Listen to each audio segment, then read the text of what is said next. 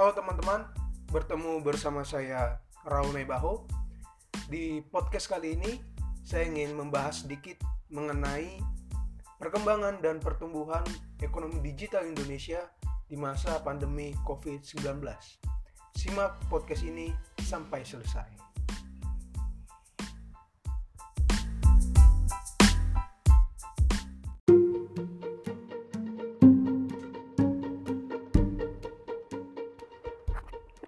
Oke, berbicara mengenai perkembangan dan pertumbuhan ekonomi digital Indonesia secara khusus di masa pandemi COVID-19 ya dalam konteks pandemi COVID ini ya kita tahu bahwa pandemi COVID ini telah memberikan dampak buruk bagi setiap aspek kehidupan kita di mana itu memberikan dampak-dampak buruk terhadap berbagai bidang ya contohnya bidang ekonomi, bidang kesehatan, bidang sosial, dan banyak terjadi masalah ya di mana kita melihat banyak PHK terus juga banyak orang yang akhirnya harus kerja di rumah saja. Nah secara khusus juga dalam pendidikan banyak juga uh, mahasiswa atau murid-murid yang harus belajar secara daring. Tentu ini menjadi masalah besar ya. Tetapi uh, kita di sini membahas mengenai perkembangan dan pertumbuhan ekonomi digital di masa pandemi.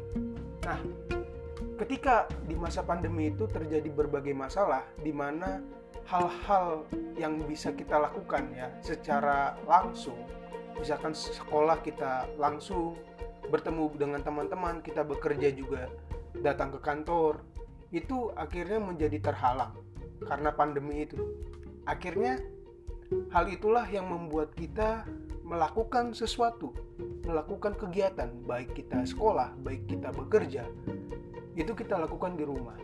Nah, ketika kita melakukan di rumah sudah pasti kita melakukannya lewat online. Jadi, semenjak pandemi, kebanyakan waktu kita kita habiskan di online. Dalam kita berpendidikan, dalam kita bekerja. Nah, kita tahu bahwa pandemi ini memberikan pengaruh buruk uh, tapi kita harus melihat bahwa ada sisi-sisi baik yang bisa kita ambil, yang bisa kita manfaatkan sebagai peluang untuk bisa memajukan negara kita ini. Contohnya di bidang ekonomi digital. Jadi, semenjak pandemi kita banyak menghabiskan waktu untuk belajar lewat online, untuk bekerja lewat online juga. Nah, tentu ini memberikan dampak baik terhadap perkembangan dan pertumbuhan ekonomi digital. Di mana kalau kita melihat ya data-data ya masyarakat dalam menggunakan uh, sosial media atau dalam melakukan kegiatan online ya sebelum pandemi dan semenjak pandemi itu berbeda jauh. Ya, sebelum pandemi masyarakat memang sudah banyak menggunakan media online. Ya, tetapi semenjak pandemi masyarakat semakin banyak. Oleh karena pandemi itu akhirnya banyak waktu dihabiskan di dunia online. Nah, kalau kita melihat pandemi ini memberikan pengaruh buruk tetapi memberikan dampak yang baik terhadap perkembangan dan pertumbuhan ekonomi digital.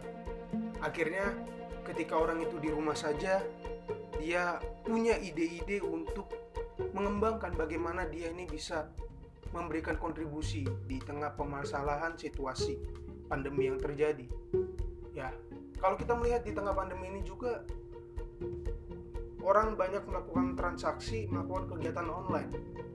Misalkan orang ingin berbelanja itu dia banyak berbelanja di uh, media online ya, lewat platform online. Itu sebab kalau kita lihat banyak sekali orang yang beli paket ya istilahnya belanja online. Nah itu kan pasti salah satunya karena pengaruh pandemi. Kalau tidak ada pandemi mungkin orang itu lebih baik datang ke toko. Tapi karena pandemi orang akhirnya banyak berbelanja lewat online.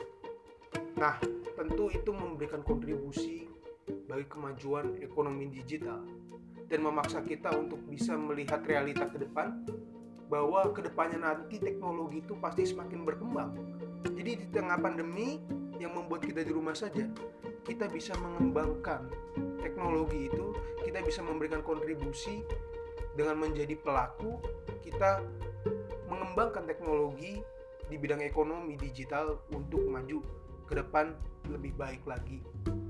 Oke, demikian podcast singkat dari saya. Kurang lebihnya mohon maaf. Sekian dari saya Raul Mebahu. Terima kasih. thank you